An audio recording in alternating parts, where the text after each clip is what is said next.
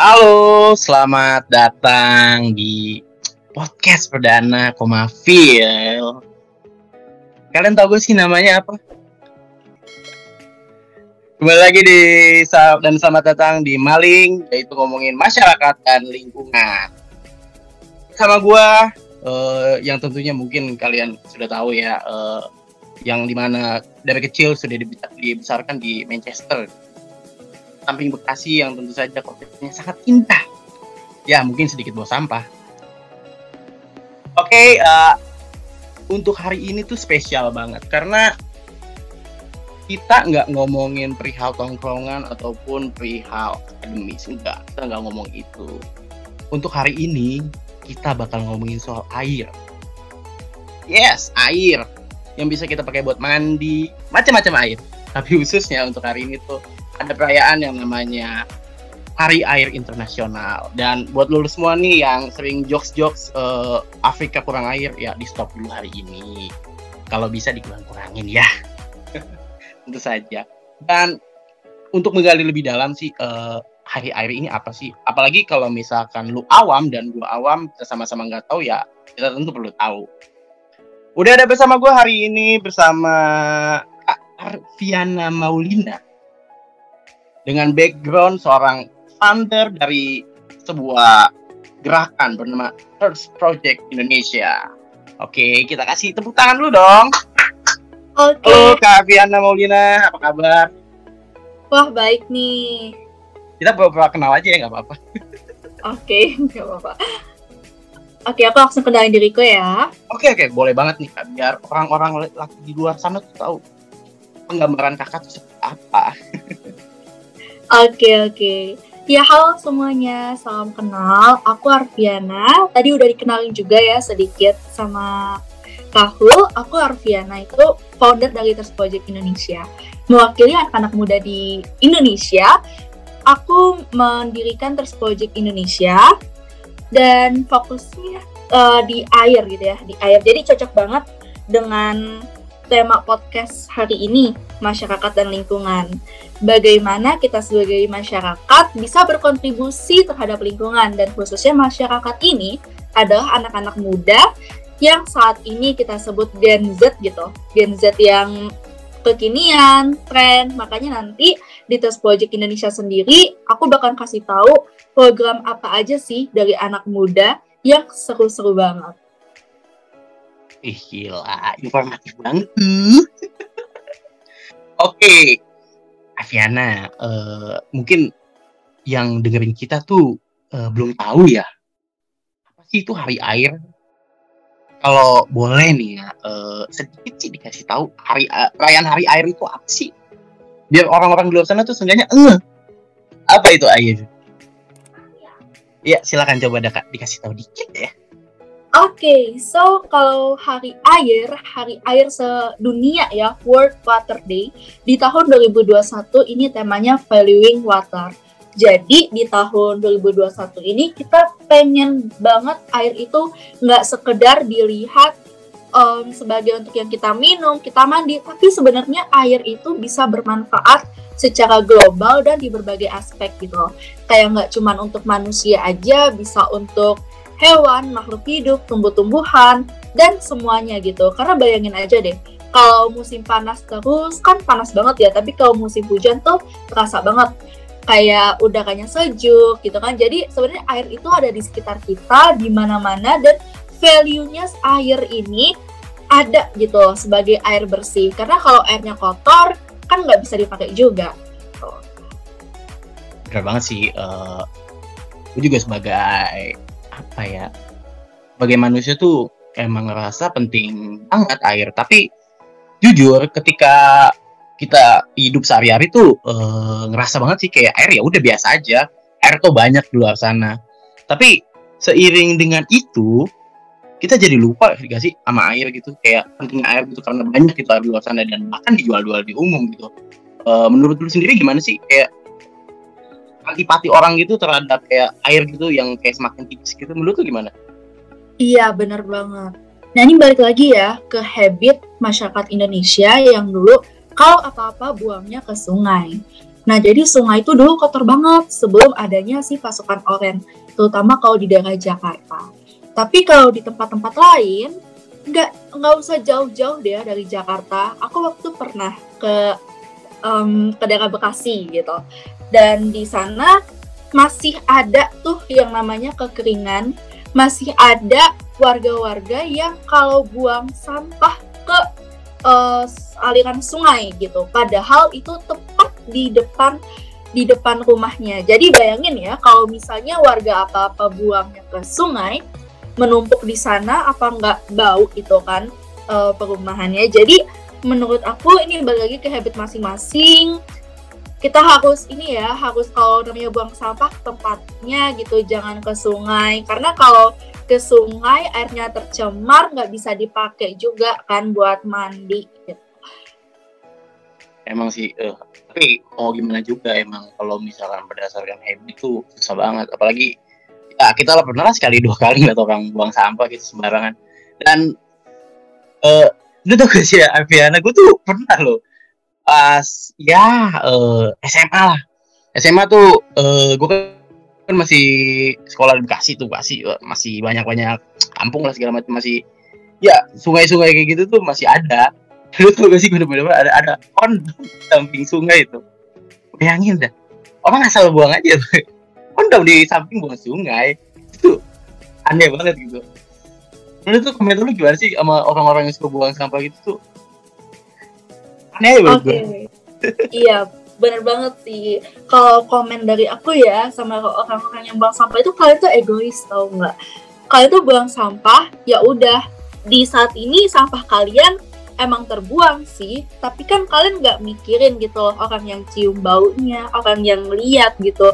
Terus nanti yang di dalam waktu yang jangka panjang itu bakalan menyumbat sungai atau nanti ikan-ikan yang nggak bisa hidup di sana atau kalau ada bebek lagi uh, berenang gitu kan nggak bisa mencari makanan di sana. Kan jadi kacau banget itu tanpa sadar kalian merusak habitat habitat habitat di sungai dan kalian juga ini kalian juga apa namanya mencemari air-air di sungai. Jadi menurut aku ya satu sih egois gitu balik lagi ya.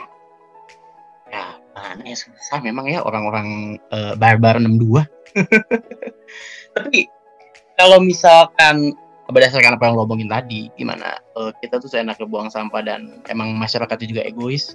Kayaknya sih emang cocok banget sama uh, tema hari uh, tema hari air tahun ini gitu. Apa yang disebut the the valuable thing gitu.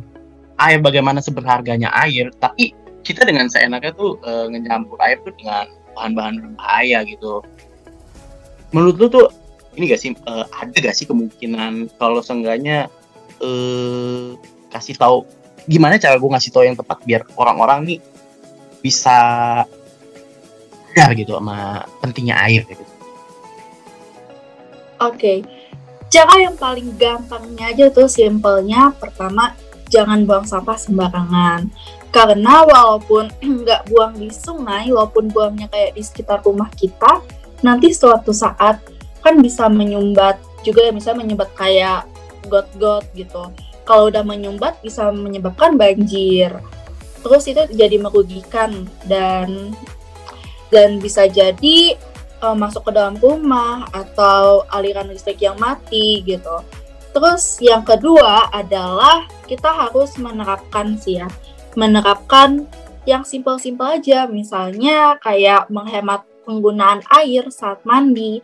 Contohnya kalau dulu mandinya lama gitu, jadi kita dikitin aja durasinya. Terus misalnya kita lagi nyuci piring nih, kalau lagi nggak dipakai, lagi disabunin tuh, piringnya dimatiin aja airnya jadi nggak ngalir terus gitu itu ya yang paling gampang banget untuk dilakuin yang paling gampang ya tapi kayak kayaknya uh, orang-orang tuh memang pada batu soalnya kayak gua aja tuh kalau pakai air tuh buset dah. Itu tuh sampai orang bunyi det det sampai sampai muterin sampai susah saking lama dipakai. Tapi ya mau gimana lagi gitu emang secara apa ya secara kalau emang habit sekali lagi tuh ya emang susah tapi uh, gue juga sadar bahwa suatu saat ini masih emang berubah kayak gitu. Dan orang-orang seperti lu yang punya background seperti ini yang mau gitu ngasih tau orang-orang batu ini gitu. Dan gue pengen tahu sih kenapa sih alasan lu, lu mau ngurusin kayak gini gitu simpel ya apa pun itu kalau kita lakuin selalu mulai dari hal-hal yang basic banget. Aku dulu ngelakuin ini karena aku mempunyai cita-cita waktu itu pengen mendirikan foundation aku sendiri. Itu simple banget dan tanpa sadar ternyata aku emang concern terhadap masalah-masalah lingkungan. Contohnya aja dulu sebelum aku membangun Tersbojik Indonesia aku nggak buang sampah sembarangan jadi kalau ada sampah aku masukin ke dalam tas gitu sebelum uh, atau sebelum aku keliat ngeliat si bak sampah gitu ya. Jadi aku masukin dulu ke dalam tas atau aku masuk ke dalam saku. Terus yang kedua adalah aku itu orangnya suka banget minum. Jadi aku hiper juga suka minum loh. Iya. Mungkin itu tanda-tanda mencintai air itu. Bagus juga itu. iya, jadi aku orangnya hiperaktif banget di sekolah. Aku nggak bisa diam. Jadi setiap aku bawa satu liter minum ke sekolah tuh aku nggak cukup satu botol gede. Aku pasti bakalan beli lagi air. Itu sih ya. Dan yang ketiga um, aku juga baru sadar ya kira-kira ini oh itu sama tentang penelitian. Jadi waktu itu aku sempat ikut lomba lomba dan aku ambil topiknya adalah Jakarta banjir gitu. Jakarta banjir sejak zaman kolonial. Tapi sebenarnya setelah diteliti itu sejak zaman kerajaan juga. Jadi emang wilayah Jakarta ini dia emang kentan banjir gitu loh. Dan parahnya lagi dulu penyakit-penyakit itu banyak banget datang dari banjirnya Jakarta. Kalau sekarang kan paling ini ya mati listrik gitu, tapi tetap hmm. aja sih Jakarta kalau banjir parah banget. Bisa ini ya, bisa ya parah lah. Tapi kalau um, aku dapat kabar katanya lebih parah Bekasi ya. Ush, oh, anti. Emang nggak lihat kemarin daerah Kemang. eh, tapi uh, ngomongin lomba yang tadi ya. Uh, apa sih lombanya kalau boleh tahu?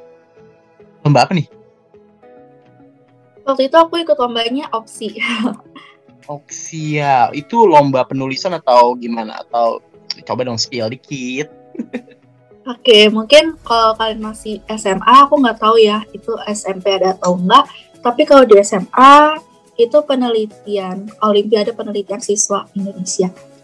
Eh tapi uh, ngomongin soal lu yang sadar deh, ya, lu yang sadar mulai gerakan-gerakan kayak gini. Uh, umur berapa sih lu? Kalau boleh tahu nih. Kelahiran deh kelahiran. Oh, kalau kelahiran aku 2003. Hmm. Kenapa ah, tuh? Nggak apa-apa. Cuma uh, sedikit malu ya sebagai yang lebih tua. Maksudnya aku uh, keren aja gitu. Gimana kayaknya uh, beberapa tahun yang lebih muda dari gue udah mulai sadar. Walaupun memang dilihat juga banyak, tapi kayaknya penting juga kayaknya yang lebih muda sadar akan pentingnya air ya walaupun juga yang tua-tua uh, masih sadar juga. Cuma uh, salut aja gitu.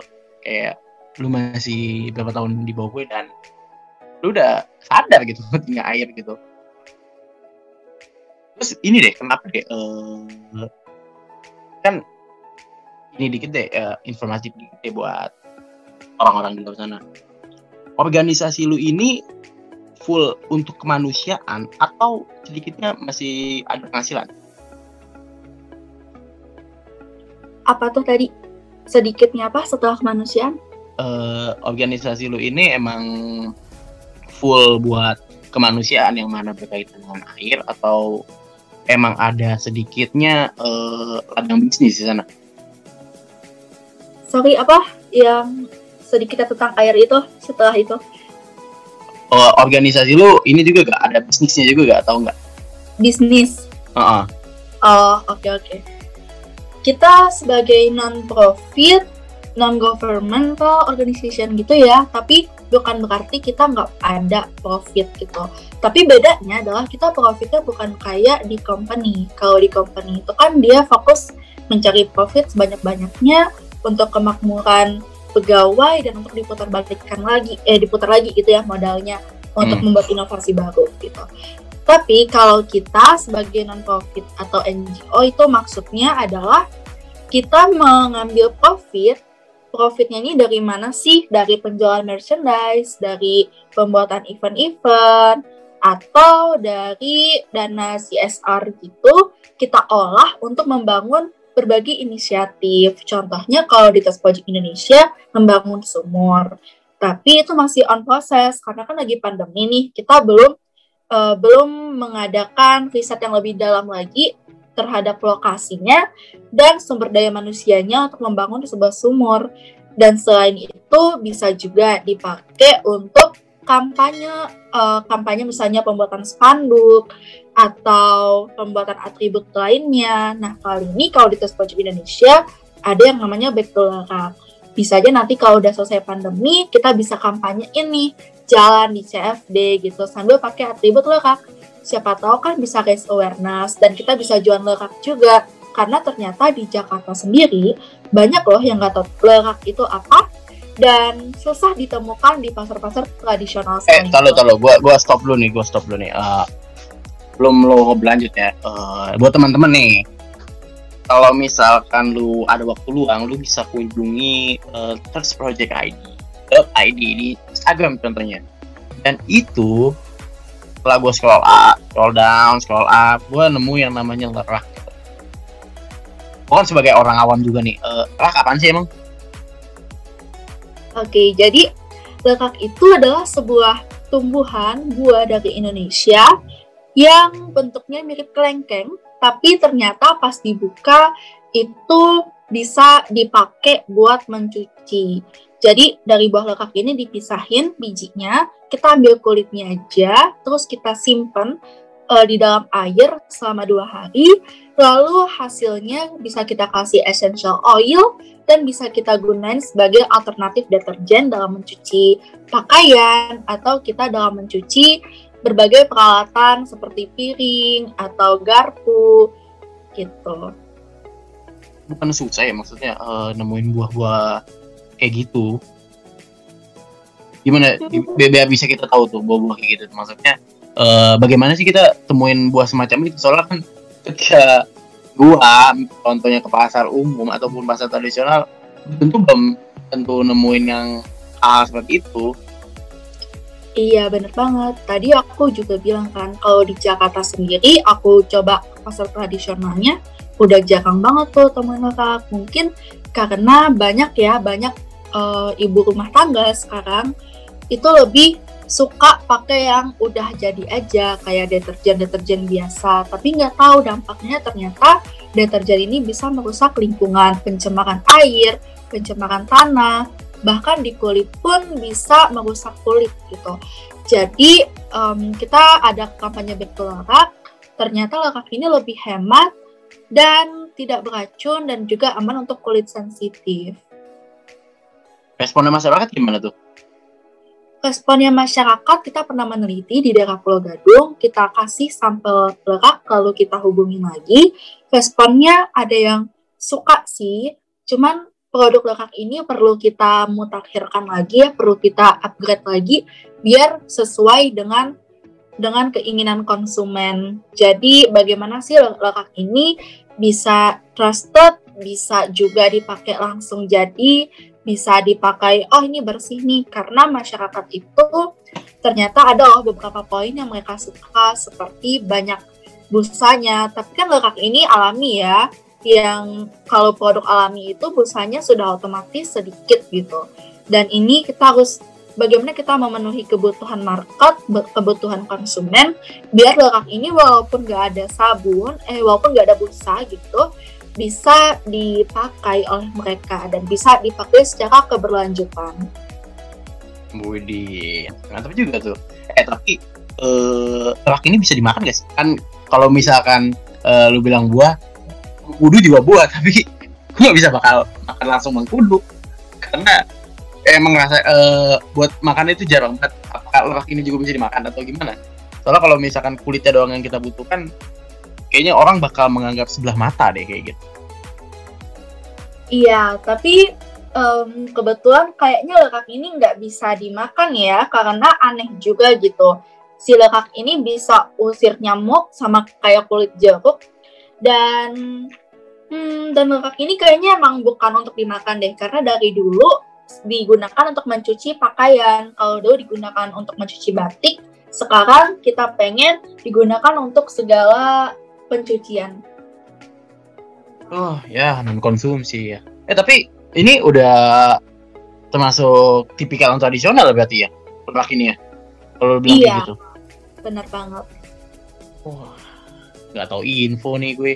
Oh, buat lo semua tuh daripada beli kan deterjen lumayan apalagi kalau misalkan nungguin diskon ini uh, Indomaret kan sama juga ya kan diskonnya gantikan kan kita bisa pakai lerak yang ya seenggaknya nanti bakal lu bisa tau lah infonya gimana. Makanya jangan lupa tuh kunjungin salah satunya juga uh, terus project ID biar lu seenggaknya tahu tuh gimana. Soalnya kan kalau misalkan kadang-kadang kita ngeliat itu orang juga ngeliatnya pakai selalu pakai tipikalnya uh, ekonomis gak sih?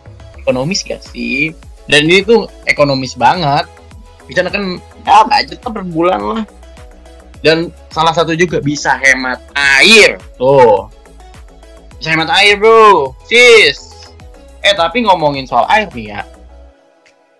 Kayaknya dari tadi kita ngomongin sungai segala macam menurut lu sendiri nih ya air di Indonesia itu kondisinya gimana? Air di Indonesia kondisinya masih oke okay sih ya sebenarnya kalau di sekitar-sekitar kita. Tapi oke-nya ini bukan berarti seoke kalau kita pergi ke Jepang gitu atau misalnya kita pergi ke mana-mana yang airnya itu udah bisa dikonsumsi. Karena banyak air-air di Indonesia yang di sekitar perumahan kita itu nggak bisa dikonsumsi. Bahkan nggak bisa waktu... buat ini juga ya nggak bisa buat miara koi yang di uh, saluran air itu ya kayak di Jepang. Iya, bahkan waktu itu pas ada banjir ya, itu ada foto perbandingan banjir di Jepang dengan banjir di Indonesia. Kayak beda banget ya kalau di Indonesia tuh kayak Milo gitu. Tapi kalau di Jepang uh, as, apa airnya bersih. Tapi beberapa waktu lalu banjir tuh airnya bersih. Ke di mana ya? Aku lupa deh di Kalimantan atau di mana gitu. Coba aku make sure dulu. Airnya bening. Wait, let me check. Eh tapi by the way uh, sekalian searching ya. Mari lu searching nih uh, di verifikasi. Bener apa kagak tuh? Ini deh gue ya. mau nanya nih. Uh, lu kan masih bergerak di dalam kemanusiaan juga nih. Salah satunya yang bergerak dalam bidang air. Kan pasti kalau lu bilang tadi organisasi lo non profit kalau misalkan buat gue sendiri ya kadang ya kayak uh, kita apa apa uh, pandas apa alasannya duit duit duit duit ini kan organisasi lu non profit nih terus yang menurut lu ini kurang pasti kalau menurut gue juga kurang menghasilkan ataupun bukan jadi uh, tujuan utama gue buat kalau misalkan se, apa sembari bisnis dan segala macam. Karena kan lu bilang tadi lerak ini lumayan. Apalagi berarti kan itu bisa sesuatu yang jadi profit. Tapi lu nggak diprofitin malah biar orang-orang tahu dulu nih segala macam tentang lerak dan berusaha untuk nggak diprofitin. Alasan apa sih yang bikin lu bertahan untuk terus memperjuangkan hal-hal ini? Oke, okay, hal-hal yang bikin bertahan itu sebenarnya adalah dari hati ya, karena kita punya passion, kita punya interest.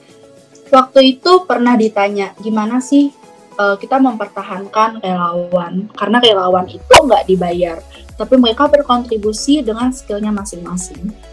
Nah, saat salah satunya aku juga mikir di situ tiba-tiba ada di otakku tercetus oh um, ternyata kalau relawan bertahan di organisasi kita itu berarti ada sesuatu yang dia perjuangkan ada sesuatu ada sebuah isu yang pengen dia advokasikan yang dia itu pengen loh merubah misalnya merubah habit masyarakat atau membangun sesuatu melalui sebuah organisasi. Karena apa? Mungkin ada sumber daya manusianya, jadi mereka di situ berasa bareng-bareng gitu ya. Bisa untuk membuat inovasi baru gitu. Dan selain dari hati ya, kita itu senang gitu loh, senang bisa merasa berguna untuk orang lain karena I believe that everyone live with purpose. Kita born with the purpose. Kita punya tujuan masing-masing. Dan tujuan itu tercetak oleh karya kita. Dari mungkin karya di organisasi lingkungan atau organisasi hak asasi manusia atau organisasi lainnya gitu ya kepemimpinan. Karena balik lagi bagaimanapun kita di organisasi apa pun kita yang melibatkan atau mengasah skill leadership dan skill kita atau melihat berbagai macam background di organisasi kita balik lagi ke ke lingkungan kita balik lagi ke alam kita balik lagi ke manusia-manusia yang membutuhkan bantuan kita gila. Uh, lu punya uh, kepribadian yang sungguh luar biasa. Bisa maksudnya peduli gitu kan. Ya kita sih uh, dibilang jadi manusia kan peduli. Kadang kita peduli kadang nggak peduli. Dan lu bisa tetap konsisten untuk peduli tentang air di mana kadang ya gue bilang tadi di awal kadang kita bilang air itu penting tapi kadang nggak penting juga. Contohnya ketika gue mandi buang-buang air yang harusnya gue bisa mandi sekitaran 5 menit atau jadi 10 menit tapi posisi gue tuh jadi kayak uh, cara nggak sadar gitu kita buang-buang uang eh buang-buang uang, buang-buang air. Bener Dan lu tetap konsisten di sana. Keren banget maksud gua itu. Eh gimana itu yang di Kalimantan udah dicek belum? Iya, ternyata itu di Kalimantan Selatan. Boleh banget tuh dicek karena banyak banget ya berita-beritanya. Hmm, eh menurut lu apa sih yang ngebikin air di banjir di sana bisa berbeda dan di sini tuh bisa uh, keruh banget airnya? Hmm, mungkin faktornya kalau di Kalimantan itu hutan masih banyak ya. Dibanding kalau di Jakarta kita udah lihat hutan itu sedikit. Adanya taman-taman kota gitu. Kalau di kota-kota uh, di kota-kota lainnya juga kayak gitu ya adanya taman kota. Kalau di Kalimantan kan masih ada hutan-hutan. Itu sih berpengaruh banget ya. Hmm. Tapi menurut lu ada ini gak sih kemungkinan di kayak ya kota-kota besar kayak Jakarta uh, sekitarnya Bekasi ya bisa apa ya bisa dapet banjir yang bening gitu tapi bukan berarti gue pengen banjir bukan terus gue bisa kemungkinan airnya sebening itu kan kondisinya kita sekarang udah minim banget lah pohon lah uh, lahan hijau buat air-air itu jadi bersih gitu. Menurut tuh ada kemungkinan gak sih? Atau mungkin ada suatu cara gitu ya kayaknya sih ini bakal bisa hijau nih. Bisa airnya bisa bening gitu. Oke. Okay. ada nggak sih kemungkinannya? Menurutku ada tapi agak sulit ya karena balik lagi di Jakarta sendiri kita ada beberapa wilayah gitu kan. Ada yang wilayah industri ada yang wilayah perumahan ada juga yang kota-kota yang skyscraper gitu yang gedungnya tinggi-tinggi ada juga dan ini juga harus sadar ya dari berbagai macam wilayah, dari berbagai macam background di wilayah-wilayah tersebut, kita harus menerapkan responsible, responsibility juga terhadap lingkungan. Misalnya kalau kita punya industri, jangan buang sampah, eh jangan buang sampah dan jangan buang limbah-limbahnya itu ke sungai gitu aja tanpa diolah terlebih dahulu. Makanya ada wastewater gitu. Dan selain itu kalau kita sebagai kerja gitu ya kerja di suatu usaha ya kita pastiin juga gimana sih kita mengadvokasi atasan kita bagaimana kita atau kita pemilik bisnis bagaimana kita membuat produk yang yang tidak yang tidak mengotori atau mencemari ini ya. Apa namanya sungai-sungai. Misalnya kita dalam memilih packaging jangan yang jangan yang kayak plastik gitu. Mungkin tote bag yang memang bisa dipakai lagi dan aman gitu untuk konsumennya sendiri. Dan dan apalagi ya uh, stakeholder ya. Stakeholder kalau misalnya kita sebagai di perumahan misalnya kita ibu rumah tangga atau atau bapak rumah tangga atau ya pokoknya yang di rumah lah gitu mungkin bisa untuk memilah sampah atau bikin biopori gitu.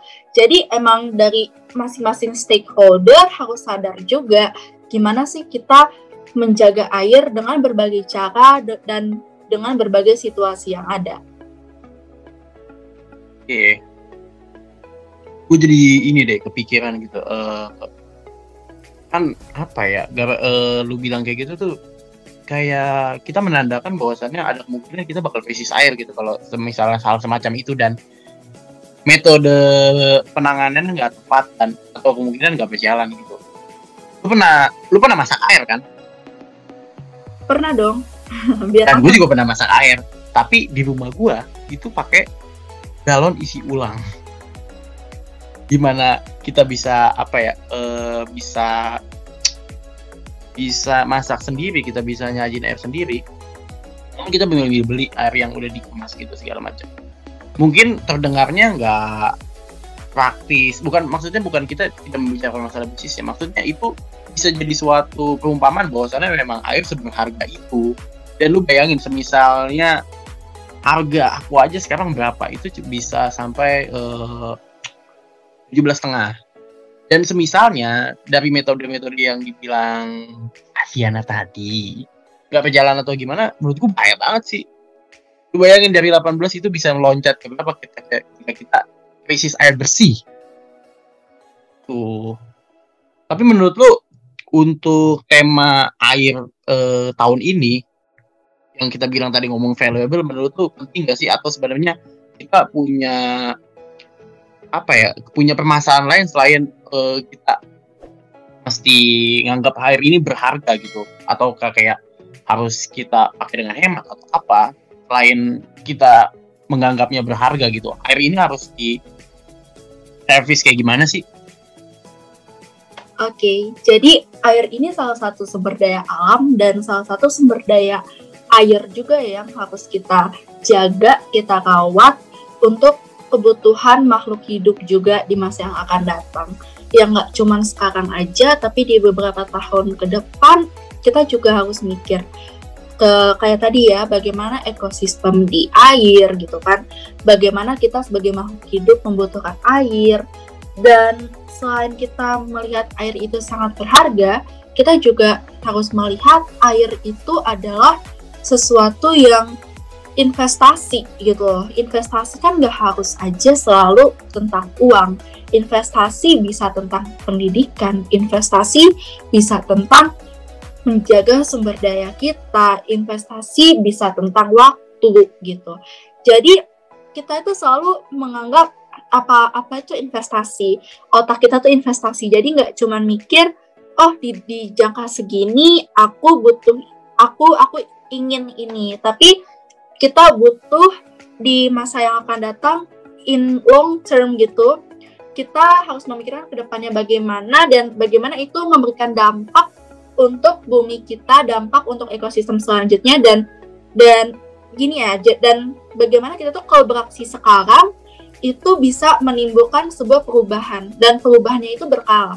Karena oke okay, bayangin aja um, kita ingat kan kita baca sejarah gitu loh dari kita masih SD gitu. Kita belajar sejarah nggak tahu ya sejarah itu kalau sekarang dari SD atau enggak atau mungkin dari SMP. Tapi yang jelas kita kalau di pendidikan formal 12 tahun pasti kita ada belajar sejarah. Dan di sejarah itu kita lihat bagaimana change maker kita di terdahulu di kemerdekaan lah simbolnya itu memperjuangkan kemerdekaan. Nah, in the simple way juga, in the modern way saat ini kita mempertahankan kemerdekaan dan di sisi lain juga kita harus memperjuangkan advokasi yang kita punya. Karena kita sekarang mem memperjuangkan air gitu. For example kayak aku memperjuangkan air aku aku dan timku aku dan teman-temanku memperjuangkan air. Dan ini adalah sebuah investasi di, yang akan mendatang dan aku menjadi change maker gitu. Dan tanpa kalian sadar juga tanpa change maker tanpa pahlawan-pahlawan kita terdahulu mungkin sekarang Indonesia masih dijajah gitu kan. Mungkin nggak ada kemerdekaan di Indonesia. Oleh karena itu kenapa sih kita itu harus menjadi investor? Kenapa sih kita itu harus jadi change maker yang dari sekarang kita udah mem memperhatikan dampak ke depannya bagaimana bagaimana kita melihat bahwa apa yang kita lakukan sekarang itu bisa menjadi keberlangsungan dan kita harus beraksi gitu loh dari sekarang. Karena ya itu akan menjadi habit itu akan menjadi awareness orang-orang oh aku harus kayak gini aku harus menjaga air. Kalau gitu berarti aku ajak teman-temanku aku ajak keluargaku aku ajak anak-anakku gitu kan mungkin. Jadi sesuatu yang emang dari mulut ke mulut dan nanti one day mereka akan bilang thanks to our change maker in the past day. Yang ya kita kan selalu ini kan selalu berterima kasih kepada pahlawan gitu. Karena kita semua nih kalau kita beraksi dalam menjaga lingkungan dalam memperjuangkan isu-isu sosial dan segala macam we are the change maker gitu Wow, dengerin tuh.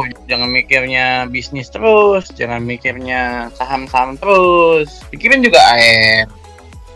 Gimana 25 tahun ke depan apakah kita masih bisa minum dengan tenang? Apakah kita masih bisa ya buang-buang air? Pertanyaan terakhir nih. Pesan apa yang menurutku penting untuk kita lakukan sekarang? Oke, okay, pesan yang untuk dilakukan sekarang kalau dari segi individu ya kita bisa mulai tadi menghemat air dari rumah karena kita sekarang mayoritas dan kebanyakan waktu kita diluangkan di dalam rumah gitu dan kalau kalian ke luar bawalah minum pakai tumbler. Jadi nggak perlu beli-beli minum lagi dan buang botol plastiknya sembarangan.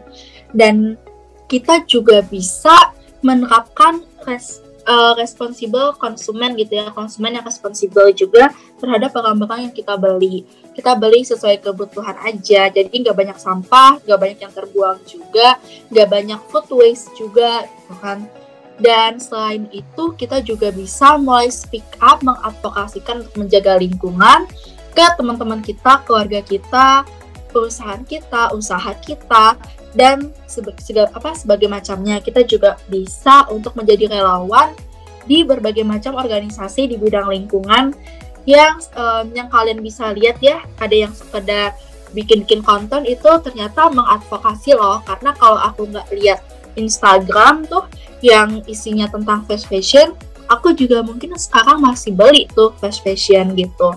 Ternyata konten itu nggak sekedar bikin nggak sekedar ngambil sumber, cantumin sumbernya, nggak cuma kayak gitu, tapi kita bisa raise awareness dari konten, speak up melalui konten, um, dan selain itu kita juga bisa bisa mulai belajar tentang lingkungan karena ternyata edukasi tentang lingkungan itu penting. Kalian bisa cek ke memetik salah satu um, kayak apa ya produk dari Test Project Indonesia untuk kursus tentang lingkungan, tapi masih dalam develop development ya karena itu masih baru banget diluncurkan jadi masih dalam tahap-tahap pendirian kan bisa cek di situ Instagramnya juga udah ada dan selain itu kan bisa ikut ke komunitas-komunitas lingkungan mungkin nggak sebagai relawan mungkin sebagai peserta atau sebagai yang ya udah ikut grupnya aja karena bakalan ada update-update tentang lingkungan mulai dari kurikulum pendidikan lingkungan atau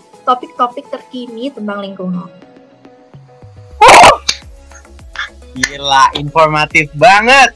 Uh, gue apa ya sebagai manusia yang ya yang pesimis terutama dengan air uh, tentang bagaimana kita 25 tahun ke depan ya uh, seenggaknya tercerahkan dan tahu gimana sih kita langkah-langkah selanjutnya dan buat teman-teman sekalian tuh udah dengerin kita harus gimana kita harus langkah apa yang harus kita ambil dan bagaimana sih cara kita menyelamatkan sedikit demi sedikit hari demi hari yang akan datang.